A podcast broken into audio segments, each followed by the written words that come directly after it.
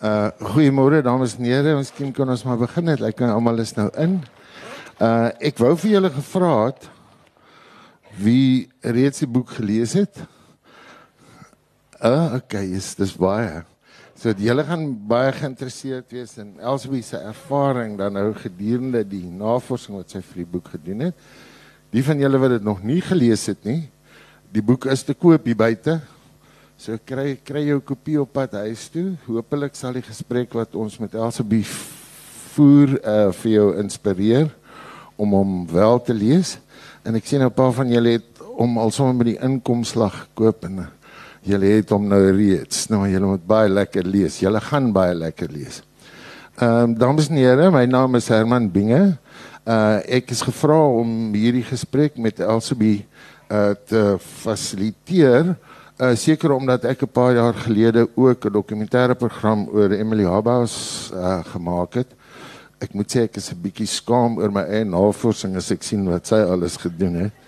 Ehm um, maar uh, ek het 'n ek het 'n ander opdrag gehad. Uh, maar in die proses ook maar baie verlief geraak op Emily Habaus en uh, en uh, en 'n groot entoesias van haar geword en ek so van 'n afstand af hou vir Elsabie nou vir maande en jare dop terwyl sy hierdie nou, navorsing gedoen het. Sy het regtig hard gewerk en fantastiese werk hierin gesit. Uh so ek wil begin deur vinnig vir haar geluk te wens met 'n pragtige publikasie en vir ons is haar almal baie dank verskuldig uh dat sy 'n hele klomp nuwe inligting en nuwe perspektiewe uh op 'n karakter wat eintlik 'n baie groter rol uh in ons geskiedenis behoort te gespeel het en steeds behoort te speel uh om nuwe lig daarop te werk. So ons is vir Elsabie baie dank geskuldig. Dankie Herman, dankie. Dames en here, nou voordat ek nou die spreker hier so raak, wil ek u graag voorstel aan Elsabie Brits, uh die skrywer van Emily Havas, geliefde verraaier. Ek het gedink miskien met 'n mens begin dat uh Elsbie, daar's nou 'n paar mense wat die boek gelees het of 'n hele paar mense wat die boek gelees het. Eers ek's bly om te sien daar's mense wat Afrikaanse nie fiksie lees. Dit is fantasties. Ehm um, om vir ons 'n bietjie agtergrond te gee van hoe jy op die onderwerp gekom het en hoe jy daarin beland het en hoe jy al dieper daarin gesink het en amper verdrink het en ehm um, hoe jy nou weer daar uitgekom het. Dit sal miskien vir mense nou interessant wees voordat ons miskien net met Emily se geskiedenis begin.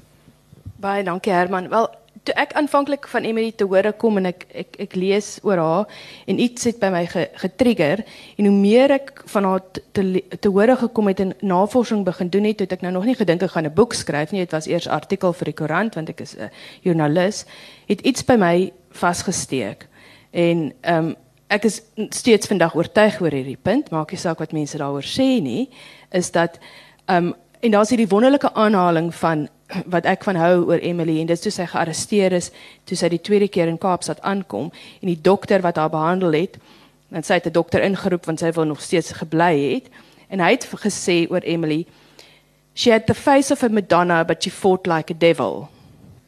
En hierdie element van Emily het by my gebly dat in ons geskiedenis het ons al miskien 'n bietjie verkeerd geag en dit het haar beeldskade aangedoen. Dat Emily meer was as wat hier as die vrou wat ons in die geskiedenis beskryf het.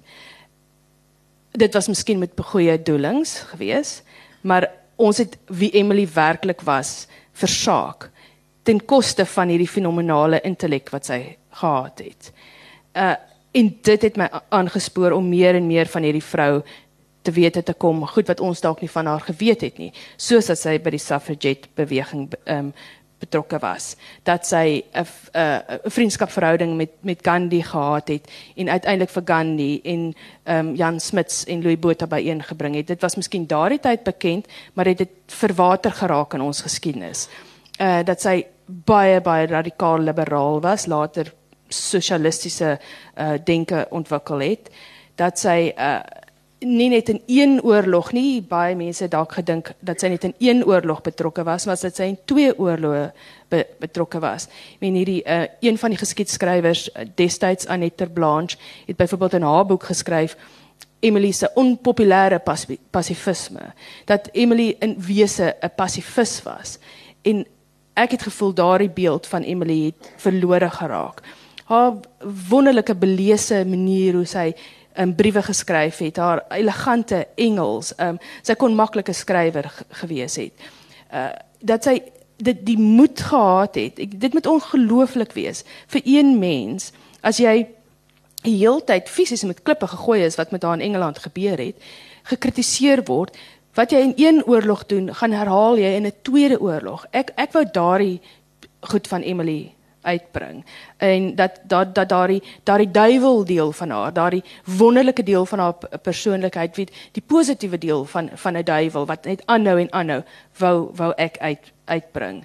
Ehm um, en ek het spesifiek vir vir daardie tipe ehm um, goed van gaan soek. Haar, haar betrokkeheid by die ehm um, Union of Dem Democratic Control wat 'n linkse organisasie was. Daardie tipe goed wou ek na vore bring dat ons kan weg dat ons die Madonna deel so 'n bietjie kan op 'n kant um, sit en val tot haar intellektuele reg kom en daar word baie um, ophef gemaak oor die die die duikboot na na Emily, wat ons na Emily vernoem het. Emily sou woedend gewees het as sy geweet het 'n duikboot word na haar vernoem want die aard van 'n pasifis, ek meen, dis die ergste ding op aarde. Dis so goed jy um, vernoem 'n 'n 'n stuk steak na 'n vegetariër. Ek meen jy dit die teenstelling daarvan en men hulle het miskien goed bedoel om die duikboot na te vernoem, maar die beste ding sou gewees het om 'n vredespark na te vernoem, weet so tipe ding. Ja, ek ek dink dit is 'n fantastiese voorbeeld juis van die miskonsepsie. Uh hoe kan jy 'n duikboot 'n weapon of mass, mass destruction uh vernoem na een van die grootste pasifiste in die in die in die in die eeu se geskiedenis, nê? Ek bedoel dit het net nie gewerk nie. So hy sy naam is nou Umkhonto. Dis baie beter. Hy bestaan nie meer nie. Ek dink hy's nou in die droogte. Werk vir my baie beter. Hy is letterlik nou verdoop na Umkhonto. Hmm. Ehm um, want dit klink vir my na iemand wat wil oorlog maak.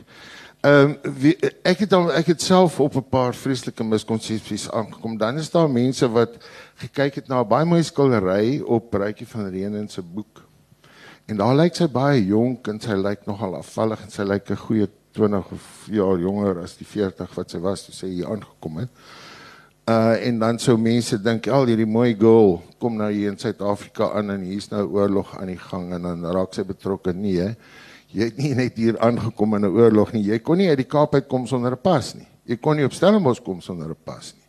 Let alone in Bloemfontein of in Mafeking was sy was of op die slagveld by konsentrasiekampe. Dit het net nie gebeur nie. Definitief nie vir 'n vrou nie en definitief nie vir 'n Britse vrou nie. Dit het net nie gebeur nie. Dit was onmoontlik. En almal in Engeland het gedink, ag, daar gaan die arme ding nou sy gaan nie daar uitkom. Oliver Schreiner het geskryf wat hy never gonna let it go. Laat sy maar gaan. Hulle gaan haar nooit toelaat nie. Sy gaan nooit te pas kry nie. And she did. Uh sy het absoluut vir niks gestyd nie en ek dink dit kom baie goed. Uh uh ek dink jy het 'n prentjie hier geskep van van iemand met 'n wil soos uh jy weet wat net nie gestyd sal word nie. En en ek dink dis 'n baie belangrike insig op haar. Die ander ding wat ek dink jy ook baie goed op lig gooi is dat selfs die kyk sy's heeltemal onbekend in Engeland. Ehm uh, Elsabel was was nou ook daar waar sy gebore is en waar sy groot geword het en waar sy haar pa opgepas het. Maar hulle het nie 'n klou wie sy is nie. Ons het in die hotel in Lescar gebly. Dis 'n uh, Lescar wat so 'n paar kilometer is van uh, uh Sant Yves uh waar pa nou die deken was by die by die by die, in die kerk uh waar sy vir 35 jaar 34 jaar gewoon het en mense het nie 'n klou van haar nie. Uh hulle in die dorp weet hulle nie. Die enigste persoon wat ons 'n onderhoud mee kon doen was die kuratrice van die museum in Lescar. Die en jy het ook met haar. Ja, uh, ja, en 'n monks. Ja. En sy het byvoorbeeld seker goed gesê, Ja, but you, you know they, they, they were working class people. Dan as jy nou jou huiswerk gedoen het en soos wat Elswie dit gedoen het, dan sê jy uh, uh, hierdie was nie hierdie is absolute adel en en at best upper upper middle class. Jy weet die Habauses het al in die 14de eeu kastele besit daar teen die kus by by Cornwall, by Cornwallis. So uh daar's al sulke miskonsepsies wat wat dan wat jy dan aanspreek.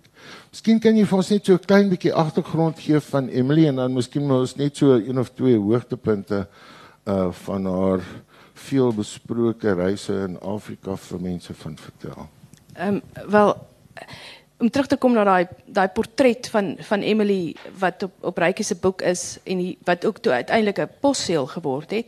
Sy het niks van daai uh beeld gehou wat teenoor geskilder het van haar nie. Sy het dit intedeel agtergelaat in Suid-Afrika. Dis in 1908 geskilder en sy het gesê it's my most forlorn self en dit is wat was waar te romanties en die die hierdie een wat op op op hierdie voorblad is, ehm um, is uh danksy my gade Karel is dit gecommissioned deur ehm um, Ruan Huysamen en dit is 'n dis 'n dis 'n charcoal in skets. Dit is nie 'n ehm um, foto nie, maar dit was haar gunsteling foto van haarself gewees. Ehm um, hy's agter in die boek ook waar sy so sit en skryf by haar tafel. Ehm um, wat sy self van gehou het. Maar om terug te kom by by Emily, dit was toe sy nou toe haar pa nou dood is. Ehm um, toe kon sy nie wag om weg te kom nie, want sy het 15 jaar lank moes sy basies amper alleen om kyk vir laaste 8 jaar haar suster is ook toe dood en haar pa was baie streng. Hy was onderdrukkend. Hy wou nie hê sy moet uitgaan nie, sy moet basies niks doen nie.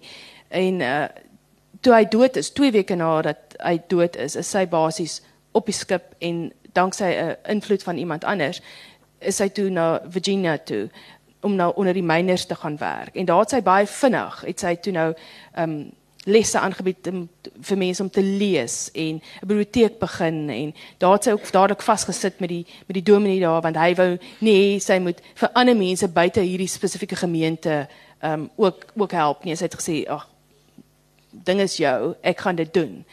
Maar sy het ongelukkig daar vir vir die man ontmoet um John Carr Jackson wat toe nou 'n um, skelm 'n skelm was ja. En een van die interessante goed van Emily is dat as jy nou mooi na haar goeders kyk, sit sy hierdie klein goedjies bewaar wat sy nie baie oor sê nie. En een van dit is wat nogal vir my roerend was dat sy sy sou met hom trou, hulle was verloof gewees en hy het mos nou groot deel van haar erfporsie van haar gesteel. Maar sy het haar bruidsleier gehou. Um haar hele lewe met saam met haar gereis en sy het reg oor die wêreld wêreld gereis. En hierdie bruidsleier is dis nogal mooi is te sien in die Anglo-Boereoorlog Museum in Bloemfontein. Ek weet nie hoeveel mense van julle was julle al daar nie, maar dit is daar uit uitgestal. Uh ek weet nie wat geword van die trouring of wat, van die verloofring of die, of die of die rok nie, maar sy het haar hele lewe lank gehou. En ehm um, ek weet nie of ek kan spring na die foto van die van die van die hond nie. Want sy het toe ehm, 'n um, hond gehad uh, wat sy genoem het ehm um, Karo. En dit was die die die naam gewees van van hierdie hond. Ehm um, was ook die die, troetelnaam van hierdie man. So sy het dit iewers in haar hart gehou. Ehm um, hierdie formidable man wat sy nou voor voor lief was en sy moes dit die res van haar lewe gehou het. En so 'n paar jaar later toe sy nou in Suid-Afrika kom, toe bring sy van toe van sy gaan tussen die weefskole gaan sy toe nou weer terug Engeland toe en sy bring toe hierdie St Bernard hond saam met haar. Was dit St Bernard? Wat se hond is dit? St Bernard, ja. Ehm um, en sy is so lief vir die hond en die hond is baie oulik en so lees ek tussen die goeters deur dat sy uh noem hom te Karo en iewers lees ek weer dit was haar uh, protonaam vir hom gewees. En die hond raak siek. En die hond gaan dood. En dit is haar verskriklik gewees. Maar die vrou wat saam met haar uitgekom het, um Margaret Clark, uh skryf in haar dagboek dat sy gereeld foto's in Suid-Afrika geneem. Um van hulle reise saam met die weefskole en ek wou nuwe foto's van Emily kry.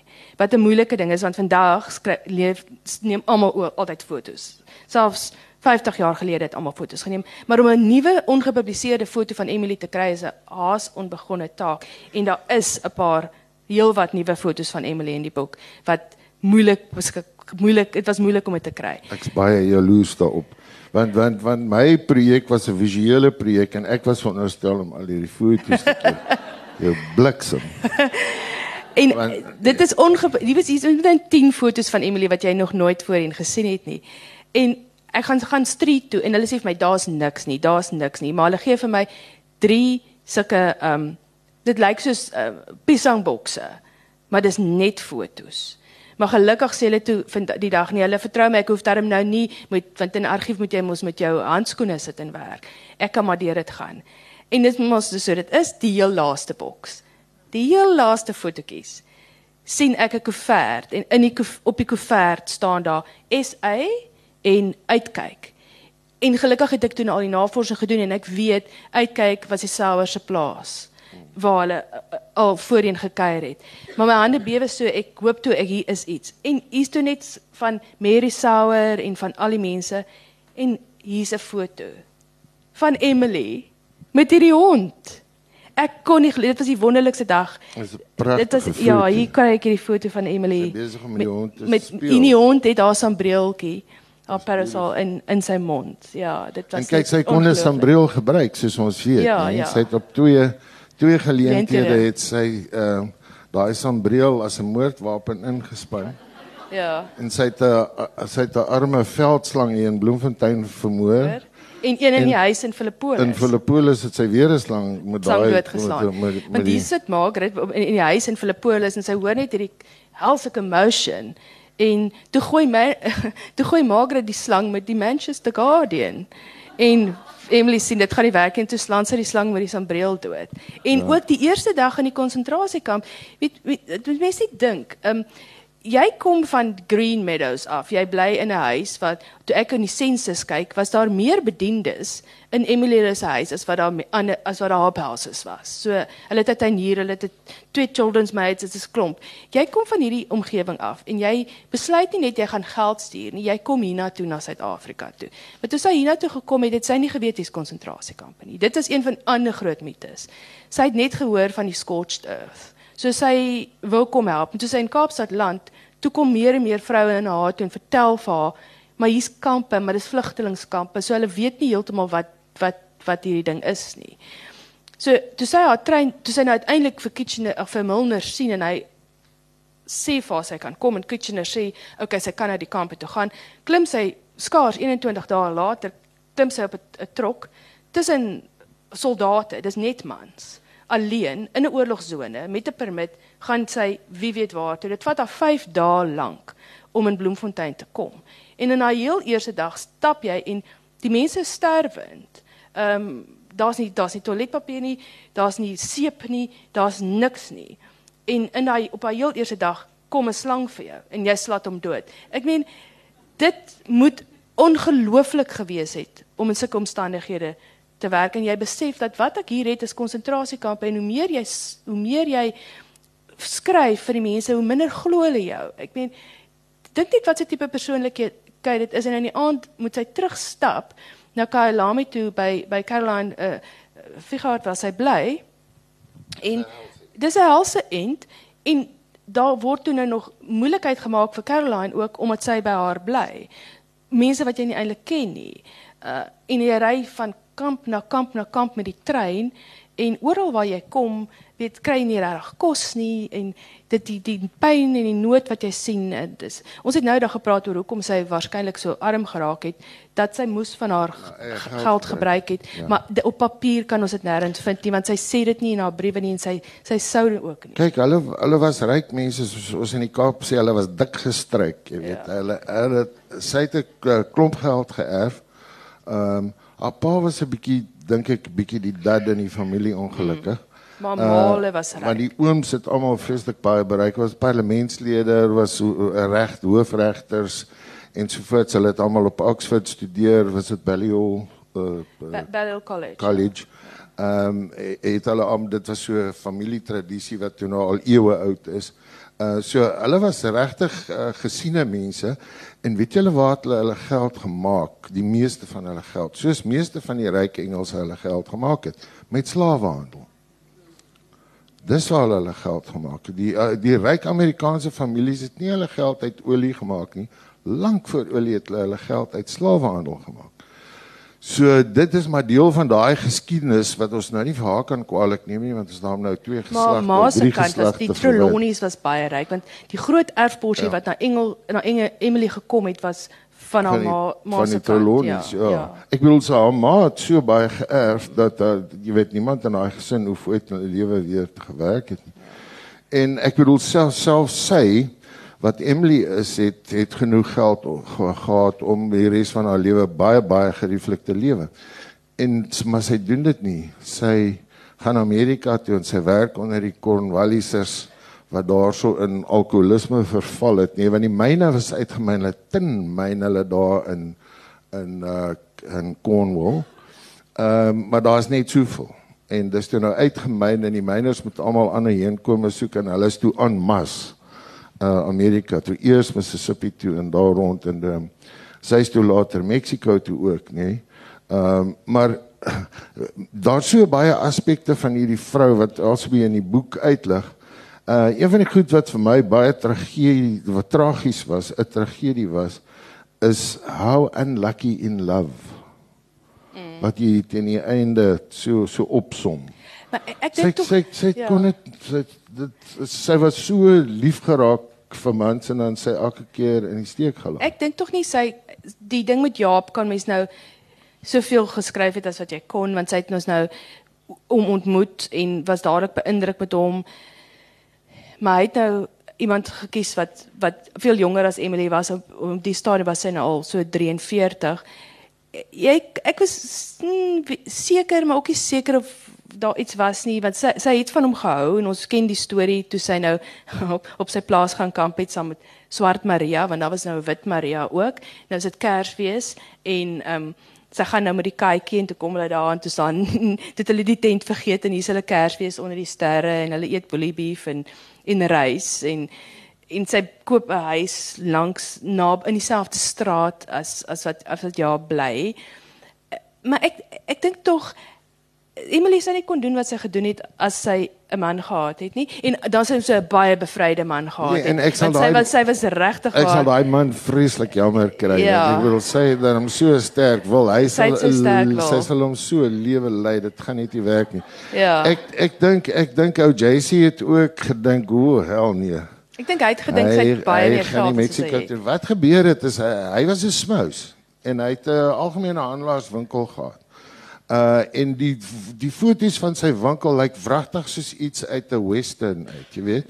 So met daai houtstoepies en dan s'n nog so stoepie bo en jy weet soos wat daar in elke western fliek was. En ek bedoel toe Emily daar aankom was Buffalo Bill nog aan die gang. Uh Wyatt Sy hom waarskynlik op sy plek is. Uh ja, die, die, jy weet dit ja. was in die Wilde Weste ja. se tyd wat sy daar aangekom het.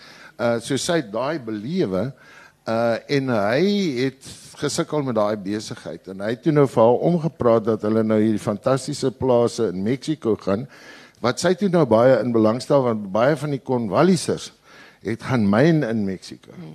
Sy het die plaas gekoop, 'n huis gebou daar en vir ou JC sit en wag. Die toe nooit opgedaag nie. Hy is weg met baie van die geld. En daar het sy 'n gevoelige finansiële verlies gely die arme ja. ding.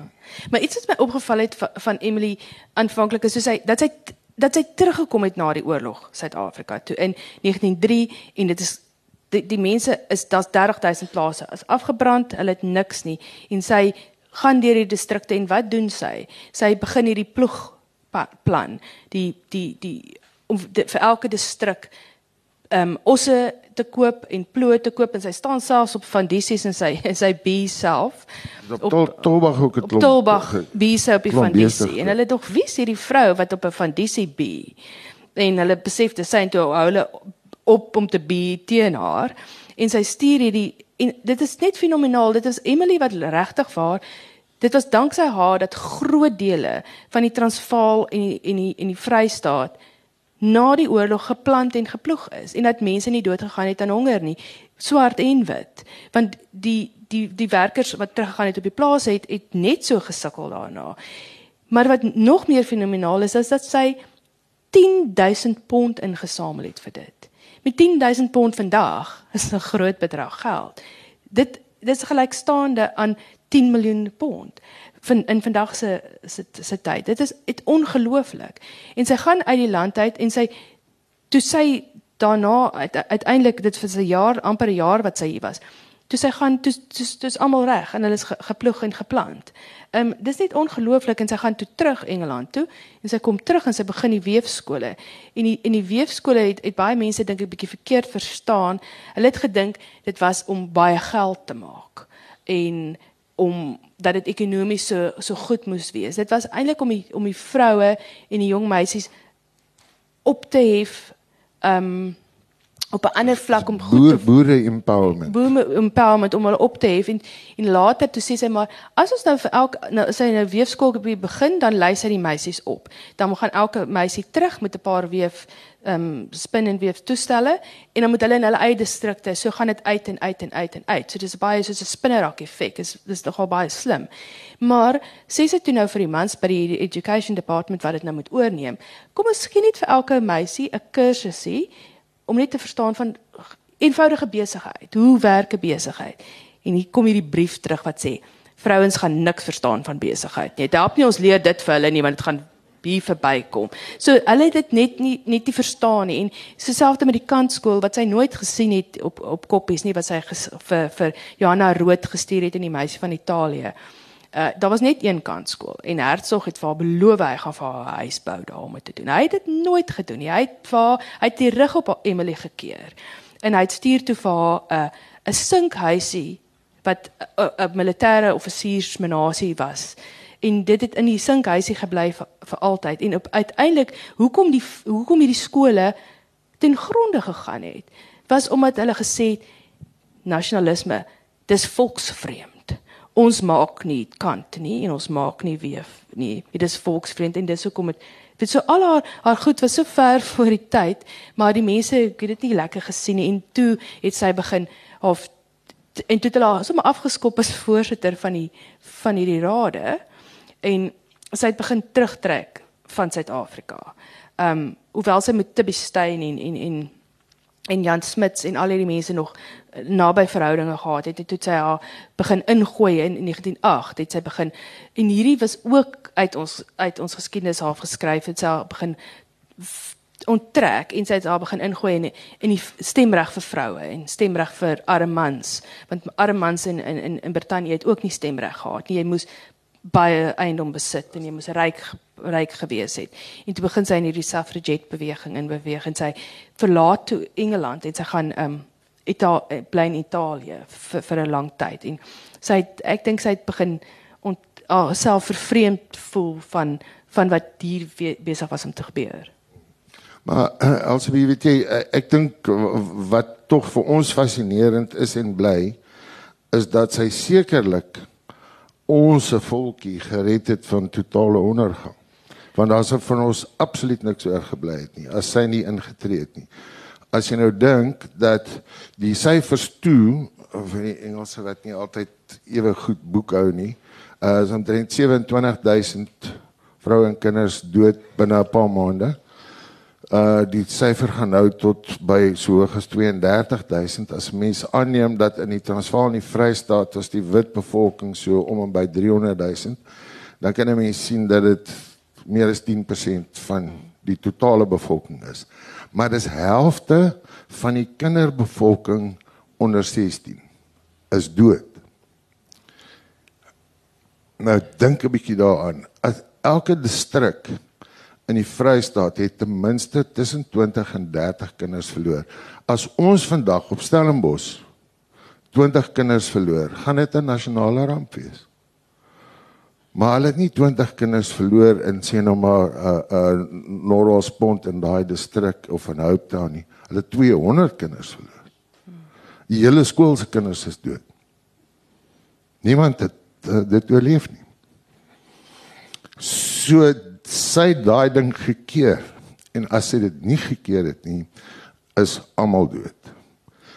Want die oomblik toe hulle begin toepas wat sy voorgestel het hulle moet doen, het mense begin ophou doodgaan. Uh en het die sterfte syfers ontsettend dramaties afgeneem. So ehm um, as mens nou dink aan generaal Smit se toespraak by haar begrafnis, dan sê hy dit daarom ook dat as dit nie vir haar was nie, dan wragtig baie velte van ons vanaand nie hier gesit nie. Uh want in die Vrystaat in die Transvaal het sy letterlik uh duisende en duisende lewens gespaar. Ehm um, inderdaad, ek dink daar's min die swart rekords is ook sleg bygehou, maar daar's daar's 5 daar's so wat as jy kyk wat die geskiedkundige sê so 25000 ehm um, swart vroue en kinders dood wat ook ook 80% van van daai syfer is, is is swart kinders.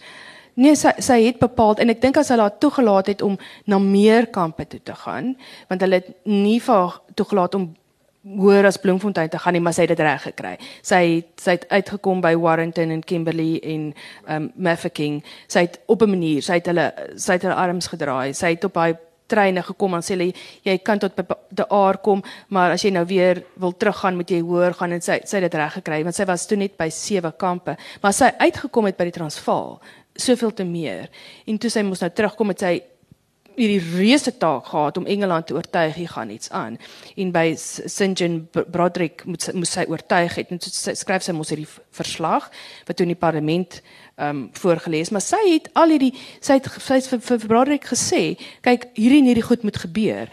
En toe het hy haar soort van geantwoord en toe sy repliek daarop en dit word toe gepubliseer. En toe is dit nou en sy het mos nou Campbell Bannerman gaan sien en toe sy hom sien het hy daai selfde aand nog daardie toespraak gemaak om te sê um, wat is 'n oorlog weet en hy sê toe mos nou well it's methods of barbarism daai hele um, bekende aanhaling.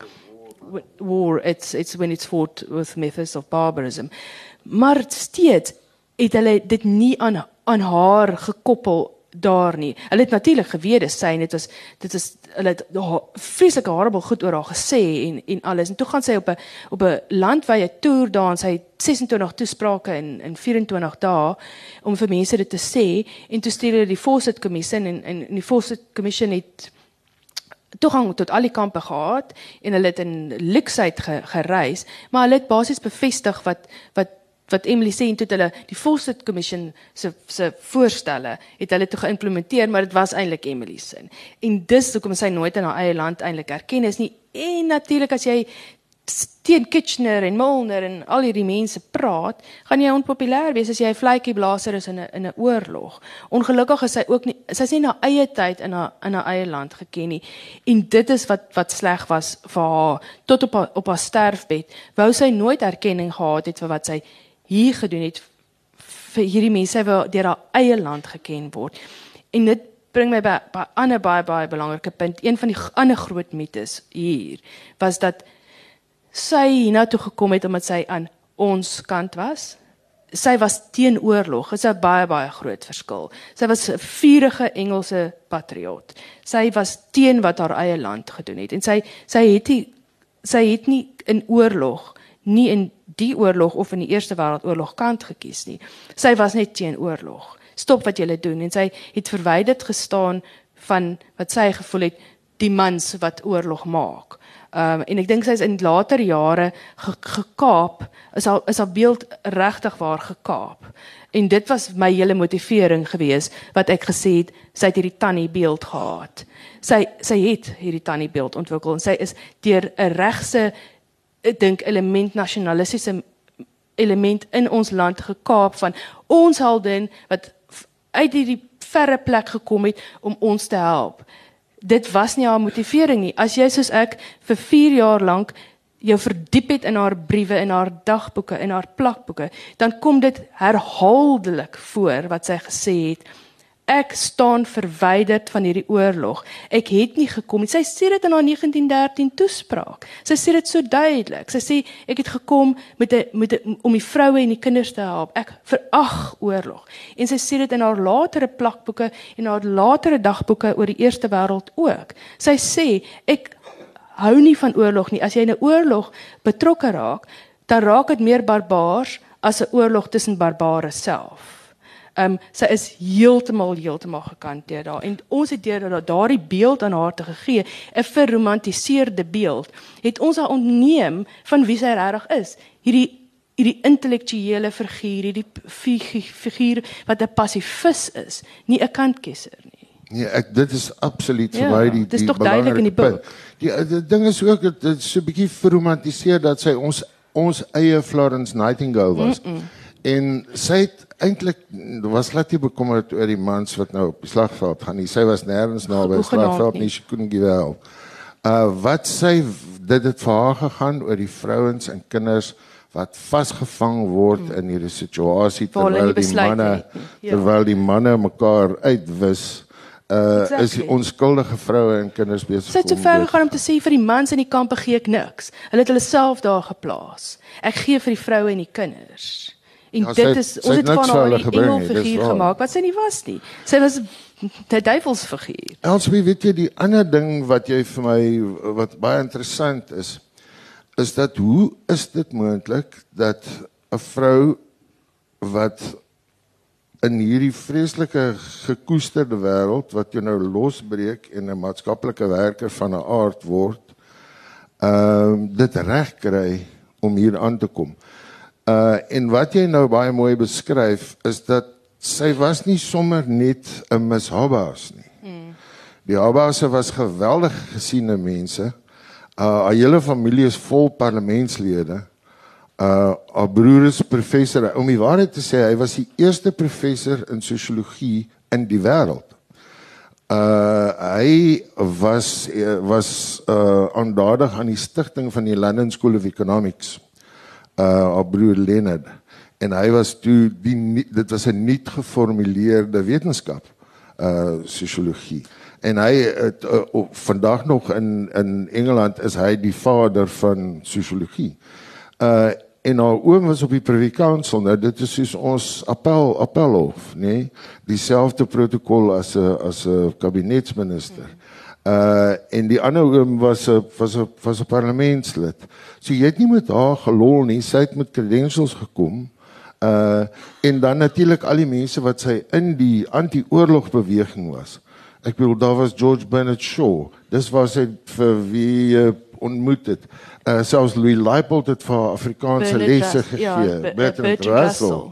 Ja. Uh Donald Ramsey. Ja. Uh Beatrice Potter. Gra uh, Gramsy McDonald, ja. Uh Beatrice Potter, ja. jy weet. Haar haar haar haar oom Henry Hoppels, die 5de was getroud met Margaret en haar suster was, uh, was Beatrice, Beatrice Potter. Potter ja. ja. So dit was geweldige invloedryke mense. So die briewe van van bekendstelling waarmee sy dan by Milner aankom uh sy hoef nie met haar handjie uit te staan en sê asseblief sal jy vir my 'n audiensie gee en kan ek maar dit nie. Sy kan die briewe neersit en sy sê dis wie ek is. En natuurlik Milner was saam op universiteit saam met haar ooms wat in die parlement was. Ehm mm. um, so die, jy weet sy sy kom van 'n posisie van sterkte af en dan in Suid-Afrika assosieer sy ook maar met die Maltinos wat eerste minister van die Kaap was met die Merrimans wat ook eerste minister van die Kaap was later en die Sauers nê en en dan natuurlik die die die die, die, die Shriners die Villiers ja. En regte ja. die Villiers en die Shriners en so en so. Sy omring en natuurlik die die uh, koopmans de Wets uh so sy omring haarself deur 'n groep geweldige sterk invloedryke mense wat haar ondersteun en dis hoe sy dit reg kry. Hulle gee vir haar briewe uh en hulle trek toutjies uh sodat sy sodat sy uh die voorrade daar kan kry. Het jy navorsing gedoen na daai 6 ton twee trokke wat sy 6 ton klere en 6 ton kos wat sy in die in die eerste plek in die Kaap gelaai het op die twee goedere trokke?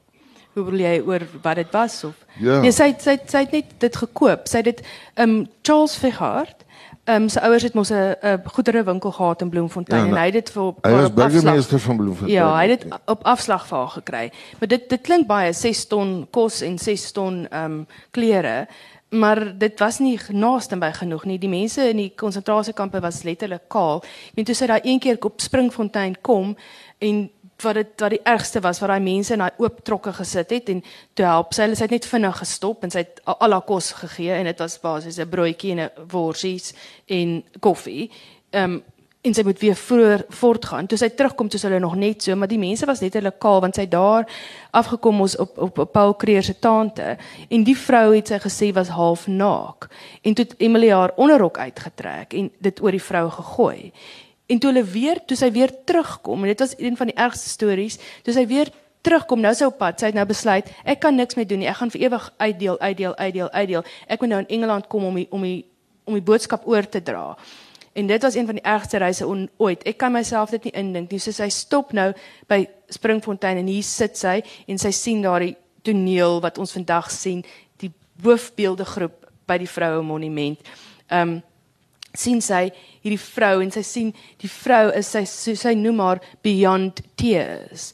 Sy sien hierdie vrou met die sterwende kind op haar op haar skoot en 'n ander vrou wat wat agter haar staan wat net in die vlaktes instaar en sy gaan soontoe en sy roep die stasiemeter en dit was Emily se tonic geweest sy iemand wil bykry brandewyn dis al wat jy daai tyd gehad het jy het niks gehad nie sy skel op hom en sê gaan kry brandewyn maar hulle kon nie en sy's by toe die kind sterf en die vrou kan nie meer huil nie sy sit net so en die die kind wat wat op haar skoot lê en dan die ander vrou wat wat by haar staan En daai mense is toe al 10 dae. Hulle is nie eers na die kamp nie. En Springfontein was een van die ergste kampe. Dis daai kamp waar die waar die dominee mos besluit het die ongedoopte kinders moet daar begrawe word en die gedoopte kinders hier. Ek meen hoe terrible is dit?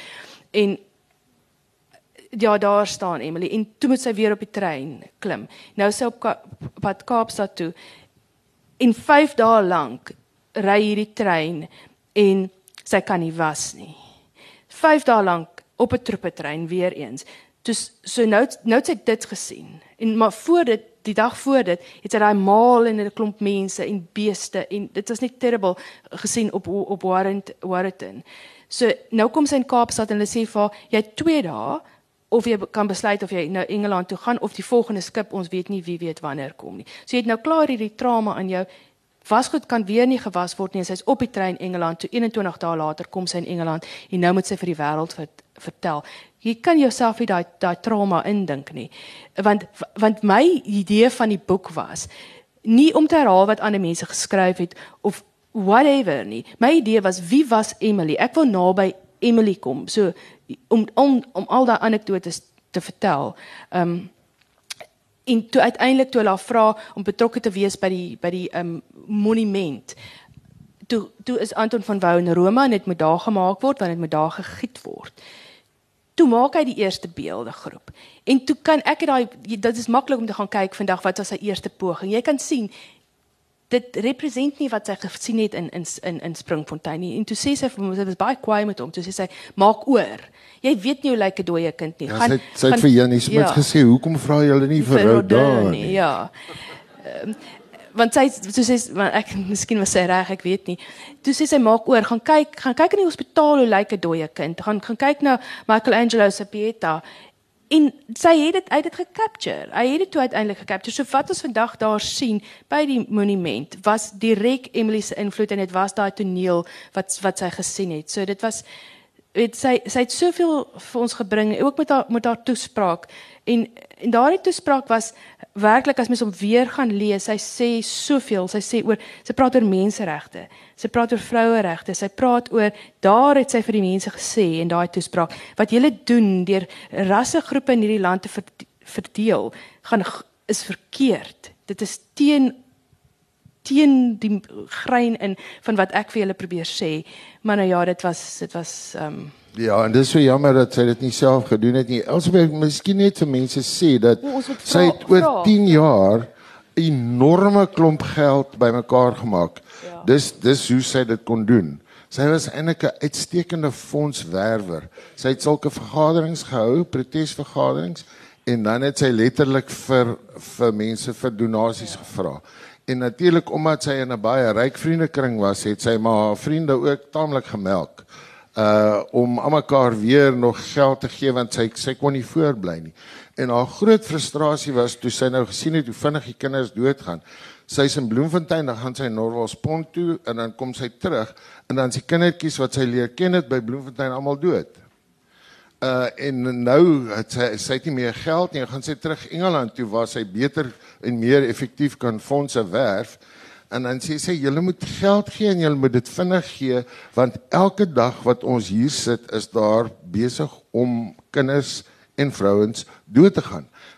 Kan dit nie hou nie. So, dit was haar grootste frustrasie dat sy nie hier kon wees om by hulle te wees om hulle ten minste te, te help en by te staan nie.